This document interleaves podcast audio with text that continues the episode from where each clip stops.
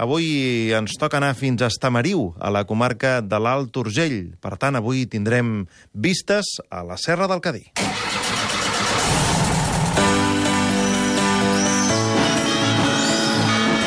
Viatgem per la microcatalunya.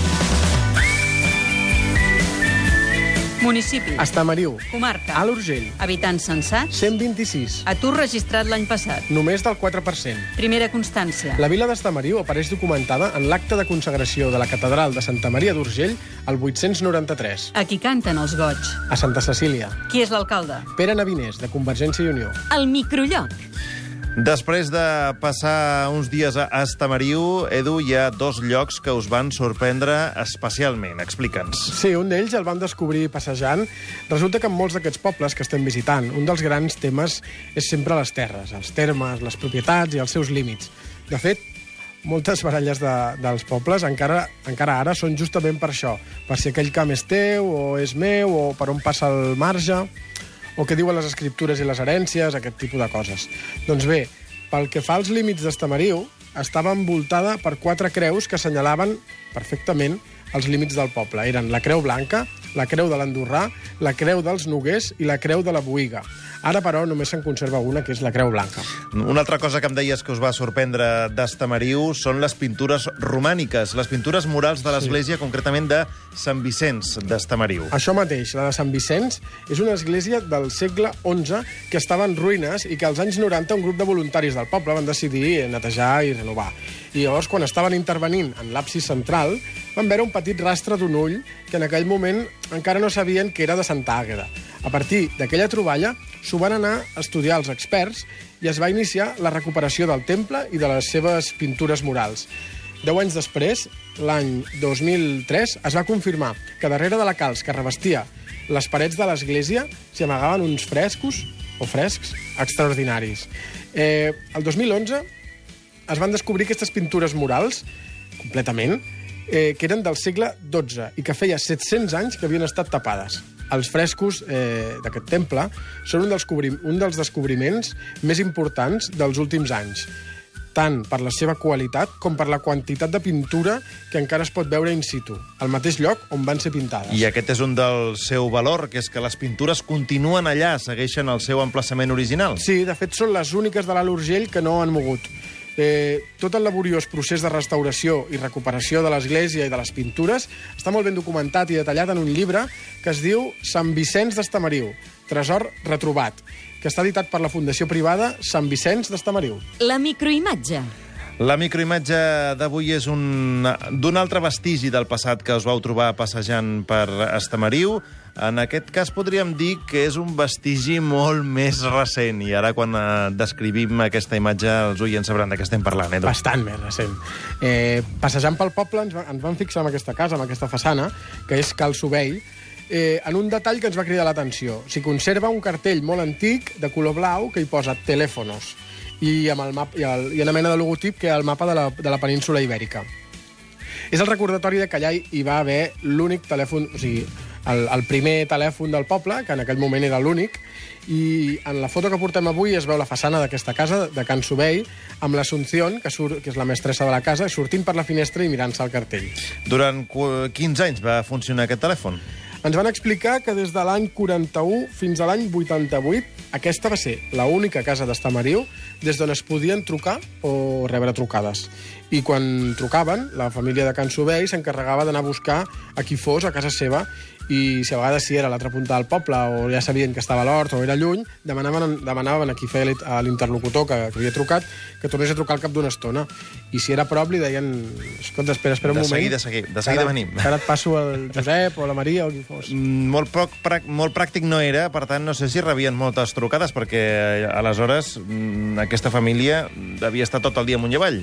Bueno, la família, el Pere i l'Assumpció ens van explicar que dues o tres vegades al dia, hi havia dues o tres trucades.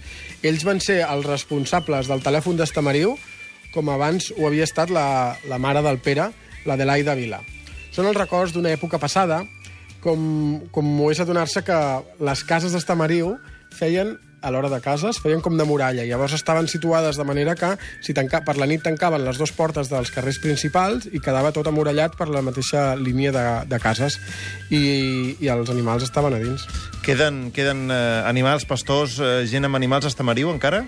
Poc. Això justament és de l'època... mm, Això, just, això que explicàvem justament és de l'època en què la ciutat es tancava. Avui dia, bueno, tret de que ja la gent pugui tenir el seu gos i, i, el, i els seus animals domèstics, eh, només queden un parell de granges de vaques lleteres que, per cert, porten la llet a la cooperativa Cadí de la, de la Seu d'Urgell. Doncs avui tenim aquesta imatge de l'Assumpción traient el cap per la finestra amb el seu test que té aquí que decora amb unes flors aquest, Geranis. eh, amb aquests geranis que estan eh, a casa seva i mirant cap amunt, curiosa, encuriosida aquest eh, vestigi dels anys 80 d'aquests eh, servei de telefonia que donaven a casa seva. Ho pengem tot seguit a Facebook i a Twitter i a tu, Edu, et diem fins dilluns, bon cap de setmana. Molt bon cap de setmana. El microcatalà. Aquesta era el Micro Catalunya que teníem preparat per divendres passat, que finalment no vam poder emetre, però que us l'hem volgut eh, posar avui en antena perquè el poble d'Estamariu es mereixia tenir aquest espai en aquest viatge que fem per la Micro Catalunya i també, sobretot, pel microcatalà que portava incorporat. Eh, és l'escriptor Luis Racionero. Molt bon dia. Bon dia. Mm, Vostè ha estat sempre molt fidel a Estamariu, eh? Bueno, des de l'any 86 que estic, que, que tinc aquí una casa, un paller que vaig arreglar, sí. I, i va sobretot als estius o, o més sovint? Bueno, mm, si pot començar a anar cap al mes d'abril i fins al mes de novembre. Després fa bastant fred, vam per Nadal també de quan en quan hi vaig, però eh, sobretot a l'estiu. I què li agrada del, del poble, d'Estamariu? Doncs pues mira, eh, que és com la seu quan jo era petit. I què, què, què hi pot fer jo llavors? Petit, jo, vaig ser, jo, jo era petit a la Seu, als anys Sí. sí. 40, 50 i 6, i era pues, un poble tranquil, i, i diguéssim, més aviat agrícola, encara que hi havia indústries i això, però eh, aquesta tranquil·litat pues, eh, pues, la trobes Estimariu. El que que si ho diem massa, pues, ho, acabarem esgarrant. Però és un poble que té un gran silenci i una gran discreció. Ho direm en veu baixa, senyor Racionero. Sí, és un bon lloc, per tant, per eh, retirar-se a escriure? Evidentment, evidentment. És, és, és, té, té molt bones vibracions, té una energia molt bona, està sobre de, del, del, de la carena, està molt ben situat i té un clima magnífic. I clar, com és silenciós, eh, hi ha 100 habitants i estan molt ben avinguts, doncs un s'hi troba molt bé i llavors, clar, tens el silenci i la pau i la tranquil·litat i l'avorriment suficients per posar-te a escriure perquè no hi ha més remei. Per tant, eh, hi ha molt bona relació entre tots els veïns d'Estamariu. Absolutament, i això es demostra en que fan moltes festes. Ja ho sap tothom de la comarca, ho diuen, que Estimariu és un poble molt ben avingut i fan moltes festes. A, a banda, per tant, d'aquesta tranquil·litat en uns moments i d'aquesta festivitat en uns altres, què més ens pot dir que valgui la pena veure a Estamariu? Bueno, ja el poble en si, perquè era un d'aquests pobles tancats sobre si mateix, que tenien, feien una forma de, de U, amb un carrer al mig, i les pròpies cases dels dos costats del carrer feien de muralla, i es tancava. Encara queda pues, una de les portes de la muralla, sense porta, però hi ha, hi ha la- l'arcada, diguéssim, i el dintell, eh, que ja es veu perfectament com es tancava el poble a la nit. No? Sí. A part del poble hi ha dues esglésies. Eh, la més antiga, que és aquesta de Sant Vicenç, que n'heu parlat, que té aquestes pintures que, eh, home, jo li veig molt interès perquè es van fer per la boda d'Arnau de- del de Castellbó, d'Arnau de Castellbó. I no oblidem que Arnau de Castellbó era càtar, o això ho va dir l'inquisidor Pere de la Cadireta de Barcelona. I, per tant, jo crec que Estimariu, que feia part del, de, de les possessions del Vescomte de Castellbó, pues, eh, és, és un poble amb una història molt interessant. Aquestes aventures, com et dic, es van fer per la, el, el matrimoni d'Arnau de Castellbó amb l'Arnaldeta de Cabuet, que va ser la mare d'Hermesenda, que després es va casar amb el comte de Foix, i com les, els Cabuet eren els propietaris d'Andorra, d'aquí ve el fet de que Andorra fos del, de, mig del bisbe, mig del comte de Foix, i d'aquí passés a França, i tinguin aquesta naturalesa dual dels andorrans. Per tant, ja veig que, a banda de la tranquil·litat, li agrada molt, que és un poble ple d'història i a vostè li agrada molt la història. Evidentment, evidentment, home, et sents, et sents en un lloc que ha fet història, sí. Eh, De fet, vostè parlava que encara hi ha gent que es dedica a la pagesia a Estamariu. Aquesta és la- l'activitat econòmica encara principal del poble?